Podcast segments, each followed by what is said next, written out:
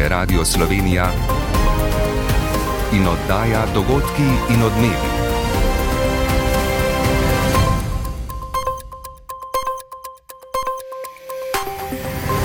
Ura je 15 in 30 minut.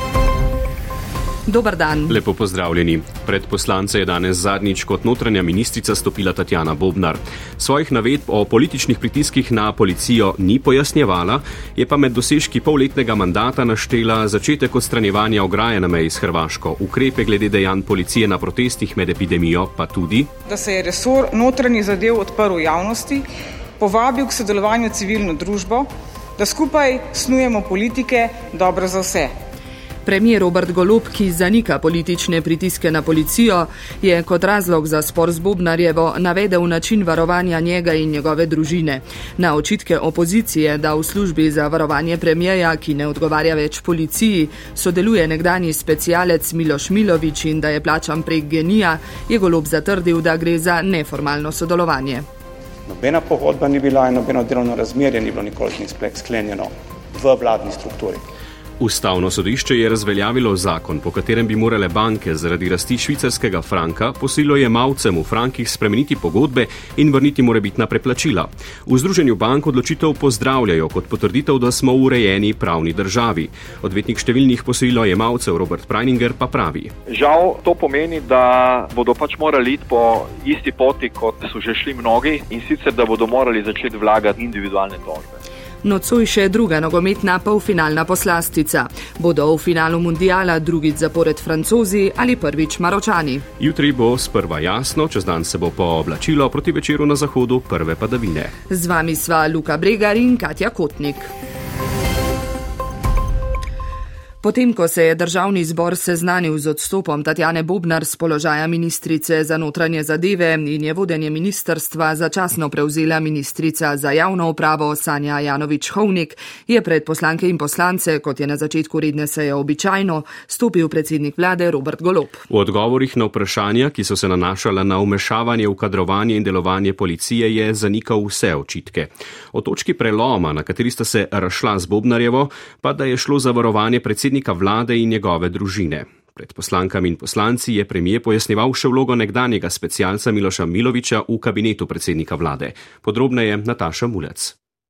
Da je delovala v skladu s prisego dano ob imenovanju, je ob slovesu podarila Tatjana Bobnar, ki se je od nekdanjega šefa in njegove ekipe poslovila s citatom v atentatu umorjenega italijanskega sodnika Falconeja.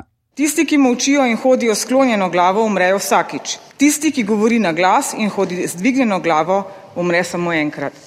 Premijer Robert Golop je pojasnil, da se je s Tatjano Bobner rašel zaradi različnih stališč glede vprašanj o njegovem varovanju in varovanju njegove družine. Zaupanje v prejšnje varnostne strukture je bilo porušeno po objavi slike otroka med obiskom Bruslja. Gre se to, da niti oni ne morejo opravljati svoje službe, če jim ne zaupam. In danes smo vzpostavili tako stanje. In to je vse, kar se pred temu, za kar se gre. Tudi poslanko Nove Slovenije Vido Čadonič Pelič in poslanca SDS-a Žana Mahniča je zanimalo, zakaj kabinet predsednika vlade ustanavlja svojo varnostno službo in kakšno vlogo ima pri tem Miloš Milovič, ki se je ponovem naključno znašel še na Ministrstvu za zdravje. Vi ste stroko spregledali in se odločili drugače. Odločili naj bi se, tako kot vam je svetoval nekdo, ki naj ne bi bil takšen strokovnjak, kot je policija. V kakšnem odnosu ste z Milošem Milovičem, kakšne so njegove zadolžitve in kako ga plačujete? Ga plačujete sklenjeno pogodbo na geniju? Nobena pogodba ni bila in nobeno delovno razmerje ni bilo nikoli sklenjeno v vladni strukturi. Seveda ga poznam kot takega in imam vso pravico vprašati za mnenje kogarkoli. Glede političnega umešavanja v kadre in delo policije je premije Golo ponovil že slišano sporočilo njegove stranke Svoboda in sicer, da ne gre za umešavanje, ampak depolitizacijo sistemov, tudi policije, kar je bila ena izmed predvoljivnih obljub. Slišali smo, da je bila točka preloma politizacija varovanja predsednika vlade Roberta Goloba in ne neimenovanje Boštjana Lindava za direktorja policije s polnim mandatom. A glede varovanja predsednika vlade še vedno ostaja vrsto neznank in odprtih vprašanj, kot rečeno, na katera bomo pa zdaj skušali odgovoriti z Robertom Škarjancem, ki je z nami v studiu. Pozdravljen. Ja, lepo zdrav. No, kot prva še vedno ostaja torej neznanka, kdo je Miloš Njegoslav Milovič in kakšna je oziroma je bila njegova vloga pri varovanju predsednika vlade. Ja, žal, še vedno nimamo odgovora, kakšna je njegova vloga, kdo ga naje, vsi pravijo, da ga niso. Eh, predvsem pa nas zanima, kdo ga je oziroma ga plačuje. Tudi tu namreč si pravijo, da ga nihče ni nič plačal. Ali je možno, da ga plačuje GNI, na to vprašanje v podjetju ne odgovarjajo. Golo pa zatrjuje, da, svetoval, da mu je Milovič svetoval kar tako brez pogodbe, kot znanec iz preteklosti in da je šlo za, da je šlo za brezplačno in brezpogodno svetovanje, je včeraj dejal tudi zdravstveni minister Loredan, ki je prav na predlog Miloviča iz varnostnih razlogov priselil svojo pisarno. Zanimivo bo, če se bo izvedelo, da je Milovič svetoval še kakšnemu drugemu ministrstvu. Varnostni strokovnjaki pa se sprašujejo o kredibilnosti in kompetentnosti takega svetovanja. Eh, predsednik sveta inštituta za korporativne varnostne študije Denis Čaleta tako pravi, da bi javnost moralo zanimati, zakaj se odgovorni pri svetovanju varnostnih procesih ne obrnejo na pristojne državne inštitucije ali akreditirane strokovnjake. Eh, skrbi ga tudi, da se bodo taki pristopi nesistemskega svetovanja nadaljevali tudi v organizacijah, ki upravljajo kritično infrastrukturo. To pa bi seveda lahko imelo zelo negativne posledice za celotno družbeno skupnost. Mm. No, Robert, oglasili so se tudi v policiji in zavrnili pavšalne očitke na račun dela policijskega centra za varovanje in zaščito. Ja, kot pravijo, ne pristajajo na diskreditacijo policistov, varnostnikov, ob tem pa odgovorijo tudi na nekatere bistvene očitke. Če smem, bi izpostavil le dva, glede slike golobove družine, ki naj bi prišla v javnost, opozarjajo, da fotografiranje varovanih oseb na javnih krajih ni mogoče preprečiti. Glede pojasnil goloba, da si je le uredil varovarje, tako kot pred njim Janez Drnovšek, pa pravijo, da ni tako. Varnostniki takrat niso bili premeščeni nikamor, niso postali del kabineta predsednika vlade, temveč so ostali zaposleni na uradu za varnost in zaščito, ta pa je bil del policije in neposredno odgovoren notrnemu ministru. E, trenutna skupina za varovanje goloba pa je bila začasno premeščena iz policije in za svoje delo tudi ne odgovarja več. Nekaj nejasnosti pa je tudi okoli tega, ali imajo premeščeni policisti pravico izvajati vsa policijska pooblastila. Določeni zakoni namreč za izvajanje določb pooblaščajo policijo kot organ, ne pa kot posamične policiste. No, Robert Škarjanc je bil z nami, hvala za ta pojasnila. Z veseljem. Mi pa nadaljujemo z odločitvijo ustavnega sodišča, ki je razveljavilo zakon o švicarskih frankih, po katerem bi morale banke za posojila najeta v švicarskih frankih, sklenjena od sredine leta 2004 do konca leta 2010, vključiti valutno kapico, spremeniti pogodbe tudi za že odplačana posojila, posojilo jemalcem pa vrniti morebitno preplačilo. V Združenju bank odločitve ustavnega sodišča ne vidijo kot svojo zmago, temveč kot potrditev, da živimo v pravni državi. V Združenju Frank so razočarani, posojilom jemalcem namreč ostaja le sodna pot. Več Jolanda Lepar. Na ustavno sodišče se je obrnilo devet bank, zatrjevali so, da je zakon neizvršljiv in za nje škodljiv. Očitale so mu učinkovanje za nazaj in prav tej točki jim je pritrdilo ustavno sodišče. Banke so se zauzemale za individualno reševanje tega problema, ne pa sistemsko. Posamične tožbe torej ostajajo tistim, ki so najeli posojila v švicarskih frankih, pravi predsednik Združenja Frank Matjaš Sušnik. Zakonska rešitev je bila za banke najcenejša in za kreditovalce najhitrejša. Zavrnitev zakona pomeni, da problem ostaja in da bo njegova rešitev dražja za banke in bo bremenjevala sodni sistem. Po odločitvi sodišča Evropske unije in odločbi ustavnega sodišča, ki je dve zavrnilni sodbi razveljavilo in odredilo v novično sojenje, je odvetnik številnih posojilojemalcev Robert Preininger optimističen. Na ustavnem sodišču je cirka 21 zadev, med temi eh, je večina takih, ko so bili zahtevki v bistvu zavrnjeni, eh, ampak se pač tu pričakuje, da bo ustavno sodišče šlo po isti poti, kot je že šlo, se pravi eh, v smeri razveljavitve teh zavrnilnih sodb. Imamo pa zdaj v zadnjem času tudi precej sodb, ko sodišče v bistvu ugodijo zahtevkom kreditojemalcev. Sušnik pa dodaja. Apeliramo pa na državo in sodstvo, da zagotovito pospešeno reševanje teh sporov ob upoštevanju prava EU in realno izvedljivem pravnem varstvu potrošnikov. V Banki Slovenije pa opozarjajo, da problematika posojil v švicarskih frankih ostaja neurejena in da si z drugimi deležniki prizadevajo za vzpostavitev učinkovitih mehanizmov za njeno naslovitev. V nadaljevanju te oddaje bomo pozornost najprej namenili zdravstvu. Skupščina Zavoda za zdravstveno zavarovanje opozarja, da se kljub doslej največjemu finančnemu zalogaju problem dostopnosti do zdravnikov še naprej poglablja. Medtem, ko se vlada z zaposlenimi v zdravstvu usklajuje o plačah, se je glavni odbor šolskega sindikata odločil zaostriti dejavnosti, čež da vlada nima enakega odnosa do zaposlenih v javnem sektorju. Evropski parlament je nagrado Saharov za svobodo misli podelil ukrajinskemu ljudstvu. Kot je dejala predsednica parlamenta Roberta Micola, se Ukrajinci ne bojujejo le za neodvisnost, temveč tudi za vrednote, v skladu s katerimi živimo v Evropski uniji in smo jih dolgo imeli za samoumevne. Medtem je ukrajinski parlament sprejel nov zakon o medijih, ki naj bi državo približal standardom unije. Slišali boste tudi, da so kosovske oblasti podpisale prošnjo za vstop države v Evropsko unijo. Ob koncu pa še o navijaški vročici akciji pred večernim polfinalom nogometnega svetovnega prvenstva med Francozi in Maročani. Skupščina Zavoda za zdravstveno zavarovanje je potrdila 4,3 milijarde evrov vreden finančni načrt za prihodnje leto, kar je polovico več kot leta 2019. Ob tem pa so člani ugotavljali, da je dostopnost prebivalcev do zdravstvenih storitev vse slabša. Zlasti je izpostavljeno primarno zdravstvo, saj 100 tisoč ljudi nima izbranega zdravnika. Gre za sivo stavko, so prepričani in pričakujejo zelo ostre ukrepe. Skupščine sta se udeležila tudi ministra za finance in za zdravstvo, ki pa nista imela pravih odgovorov. Več Helena Lovinčič. Kljub temu, da je v zdravstvu doslej največ denarja, da se je bistveno povečalo število zaposlenih, tudi zdravnikov, je dostopnost bolnikov vse slabša. Zlasti je kriza na primarni ravni. Najslabša je v Ilirski bistrici, Jesenicah in Ribnici. Član skupščine Samo Fakin. Notranje organizacijski problem imamo, etičen in moralen, če želite. Nočijo delati. Tako ne. Dali ste jim zdaj 2000 evrov na ambulanto, pa še kar nočejo delati. Ne? Po slabi dostopnosti izstopa tudi Ljubljana, ne vem, kaj še. Mislim, da gre za sivo stavko zdravnikov primarnega nivoja v Ljubljani, ker berem v medijih poziv zdravnikov, da izstopijo iz zdravstvenih domov, da bodo zaprosili za koncesije. Martina Vuk je predlagala rigorozne ukrepe, tudi izdajo odredb za nadurno delo. To je treba ustaviti. Tudi tako, da se ne da soglasje potem za razpis koncesije. Ministr Bešič Loredan odgovarja. Težko bi rekel, da gre za sivo, belo, kakršno koli drugo stavko. Bolj gre mogoče za odločitev nekoga, ki je našel neko pot. Na ministrstvu namreč ugotavljamo, da se zaposluje zdravnike pri različnih zasebnih izvajalcih na zalogo. To vemo. Ko se bo ta stvar odvila, ko bo nekdo potegnil napačno potezo, bomo takoj odreagirali. Da bi zdravniki opredeljevali večjih prisiliti, ne more še dodaja. O tem šele, ko bodo razbremenjeni administracije, ko bo sistem digitaliziran in ko bodo prenesli kompetence na drug zdravstveni kader.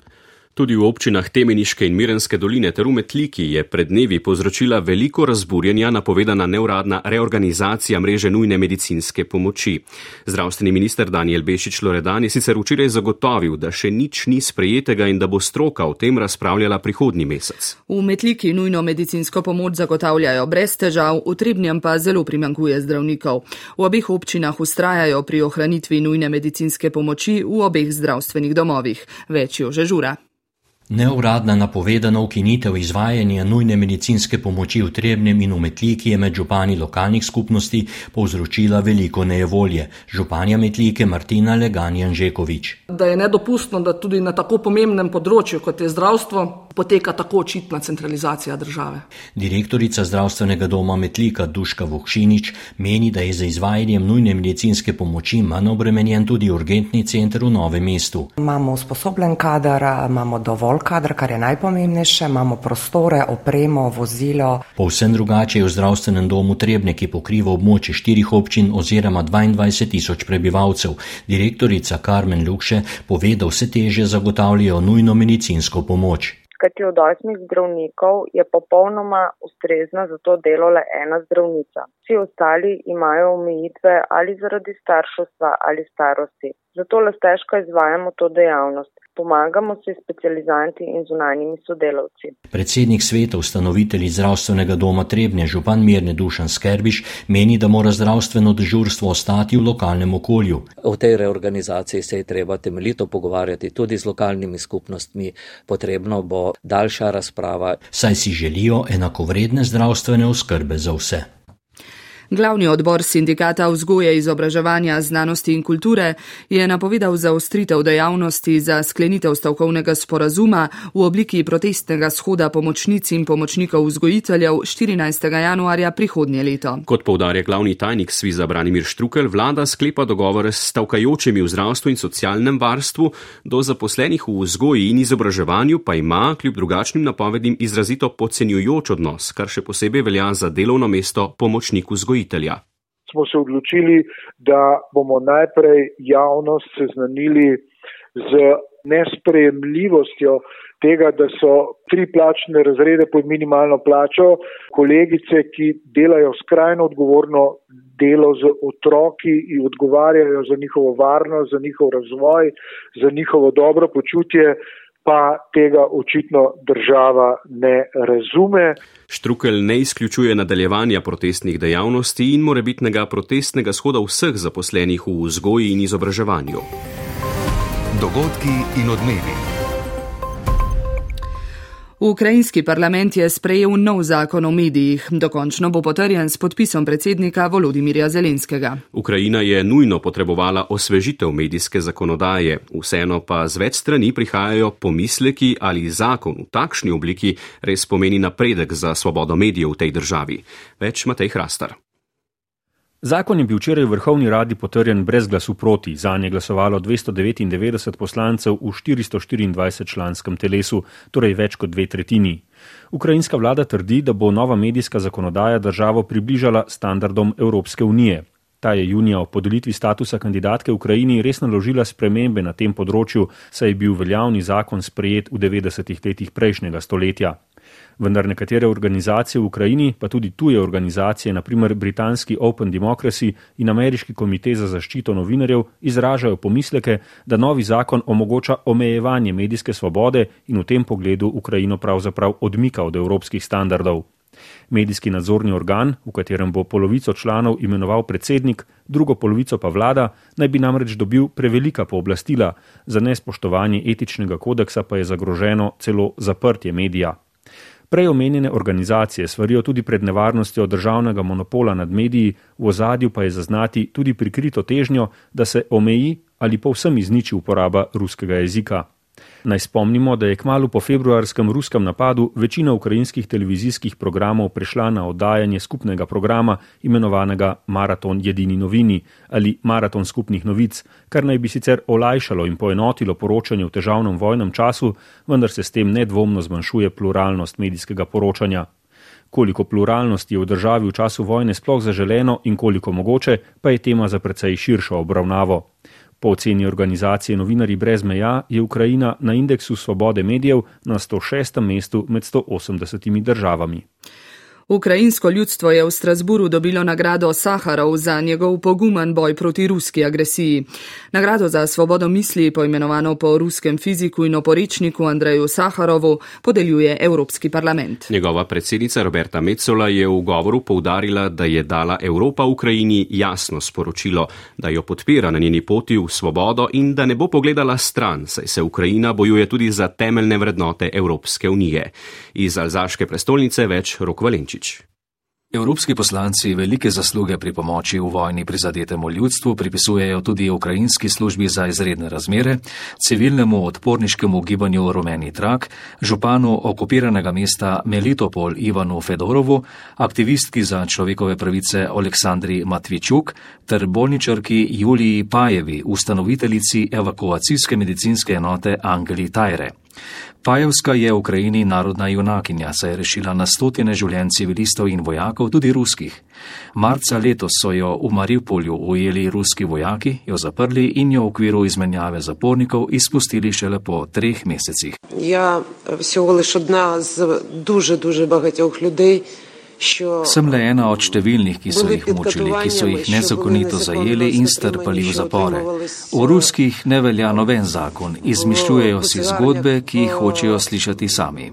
Odvetnica Aleksandra Matvičuk številnimi ukrajinskimi organizacijami zbira dokaze o posilstvih, mučenih, umorih, ugrabitvah in drugih zločinih proti civilistom. V le devetih mesecih po začetku ruske agresije na Ukrajino smo dokumentirali kar 27 tisoč primerov vojnih zločinov. Finalista za nagrado Saharov sta bila leto še Kolumbijska komisija za resnico in spravo ter avstralski borec za svobodo izražanja, žvižgač in ustanovitelj Wikileaksa Julian Assange. Na Kosovu so predsednica, premije in predsednik parlamenta danes slovesno podpisali prošnjo za članstvo države v Evropski uniji. Predali jo bodo češkemu predsedstvu povezave. Kosova ne priznava pet članic Unije, ki jim je zahvalo za takšno stališče pisal srpski predsednik Aleksandar Vučić. Ta sicer v Beogradu prav zdaj gosti od poslanca Unije in Združenih držav Miroslava Lajčaka in Gabriela Escobarja, ki sta pripotovala iz Prištine in želita najti rešitev najnovejše krize med Beogradom in Prištino. Prispevek Boštjana Anžina. Če bo Bosna in Hercegovina jutri dobila status kandidatke za članstvo v Evropski uniji, bo Kosovo edina država regije brez tega statusa, čeprav je tam podpora najvišja in čeprav Brusel Prištini evropsko perspektivo obljublja že dve desetletji, a tam za vstop v unijo še vedno potrebujejo vizume. Oškrinje moment historik prdanih. To je zgodovinski trenutek za našo državo, ki si prizadeva odpreti novo poglavje. Napredek bo odvisen od naše predanosti reformam, napredku demokracije, krepitvi vladavine prava in razvoju naše države, je dejal premijer Albin Kurti. V zagati bo tudi Unija, saj Grčija, Romunija, Slovaška, Cipr in Španija Kosova niso priznale. Ogorčeni so v Srbiji prepričani, da Kosovo, ki ga ne priznava več kot polovica držav sveta, sploh ne more zaprositi za članstvo. Predsednik Vučić pa se sprašuje, katerega od pomembnih sporazumov nameravajo na zahodu Zahodu sploh spoštovati, Kumanovskega, resolucijo 1244, bruselskega, vašingtonskega ali morda solunskega iz leta 2003, ki govori o širitvi Unije na Zahodni Balkan. Moje pitanje je, hoče li poštovati dokumente, koje so. Moje vprašanje je, ali bodo spoštovali dokumente, ki so jih sprejemali sami. Med njimi je zgodovinski Soluna, ker v njem v točki 5 piše, da popolnoma podpirajo uveljavitev resolucije 1244. Moje vprašanje od danes je, katerega od teh šestih dokumentov želite spoštovati in mi se bomo s tem popolnoma strinjali. Od poslanca Lajčak in Eskobar sta že v Prištini pozvala k umiku blokad, ki promet na severu Kosova hrumijo peti dan. Ne z buldožerjem, ampak s političnim dogovorom, pravi Lajčak. Eskobar pa, da jih morajo odstraniti tisti, ki so jih postavili. Prištino sta pozvala k uresničitvi dogovorjene zveze srpskih občin, ameriški odposlanec pa tudi sporoča, da ZDA nikakor ne podpirajo zahteve Beograda, da bi na sever Kosova kot odgovor na ukrepljeno prisotnost kosovskih policistov napotili srpske policiste in vojake. Nocoj bo na svetovnem nogometnem prvenstvu v Katarju prava nogometna poslastica, zlasti za navijače Maroka in Francije. Zmagovalca v finalu čaka Argentina, ki je sinuči premagala Hrvaško. Za francoze, aktualne svetovne prvake, bi bil to drugi finale zapored. Maroko pa bi še presegal svoj zgodovinski uspeh, ki ga je dosegel kot prva afriška država v polfinalu. Ker tako v Franciji kot v Belgiji živi številčna skupnost Maročanov, bo napeto tudi v obeh omenjenih državah. V Bruselj smo zato poklicali našega dopisnika Igorja Juriča. Igor, pozdravljen. Zanima nas, kakšna so kaj pričakovanja? Pričakovanja so seveda velika, zlasti na francoski strani, ki se je izkazala kot najbolj učinkovita ekipa na tem prvenstvu in seveda si želijo obraniti naslov svetovnega prvaka. Nasproti jim bo stal Maroko kot najboljša obrambna ekipa, ki je do zdaj prijela le en gol. In če nocoj Maročanom uspe podaljšati svoje sanje in se vrstiti v finale, eh, potem bo to izbruh slavja ne samo doma, ampak tudi v Franciji, kjer so Maročani za Alžirci druga največja etnična skupina, slavje bo pa gotovo tudi pri nas v Belgiji. Upam sicer, eh, da se ne bodo ponovile scene, ko je Maroko pred eh, dobrima dvema tednoma premagal Belgijo in so predvsem mladoletni navijači maroškega porekla v centru Bruslja divjali po ulicah. Po zmagi proti Špancem in Portugalcem sicer ni bilo eh, več izgredov, sem pa imel takrat občutek, da je v mestu že prišlo novo leto, eh, saj so odmevali poki petard in ognjemetov ter eh, divje hupanje avtomobilov. Je pa takrat policija v predelu mesta, kjer večinoma živijo maročani, preventivno celo zaprla nekaj postaj podzemne železnice. Za zvečer takega obvestila zaenkrat še nisem videl. Hvala, z nami je bil Igor Jurič. Če ste preslišali začetek te oddaje, povzemimo, premijer Robert Golop je poslancem zagotovil, da nihče iz njegovega kroga, kot tudi ne iz katerega koli kroga gibanja Svoboda, ni vplival ali poskušal vplivati na kakršne koli kadrovske poteze v policiji. O točki preloma, na kateri sta se rašla zdaj že nekdanjo notranjo ministrico Tatjano Bobnar, pa da je šlo za varovanje predsednika vlade in njegove družine. Sindikat zdravnikov in zobozdravnikov Fides se bo danes opredelil do nadaljnih dejavnosti povezanih z napovedano stavko. Dejavnosti za sklenitev stavkovnega sporazuma se je odločil zaostriti šolski sindikat in za 14. januar v Ljubljani napovedal protest vzgojiteljev. Tudi v prihodnjih športnih minutah o svetovnem nogometnem prvenstvu, kjer bo nocoj, kot ste morda že slišali, znan drugi finalist. Ozrli se bomo tudi na sinočne podelitev športnika leta. Pridružil se nam bo Uroš Vok. Hvala za vašo pozornost in nasvidenje.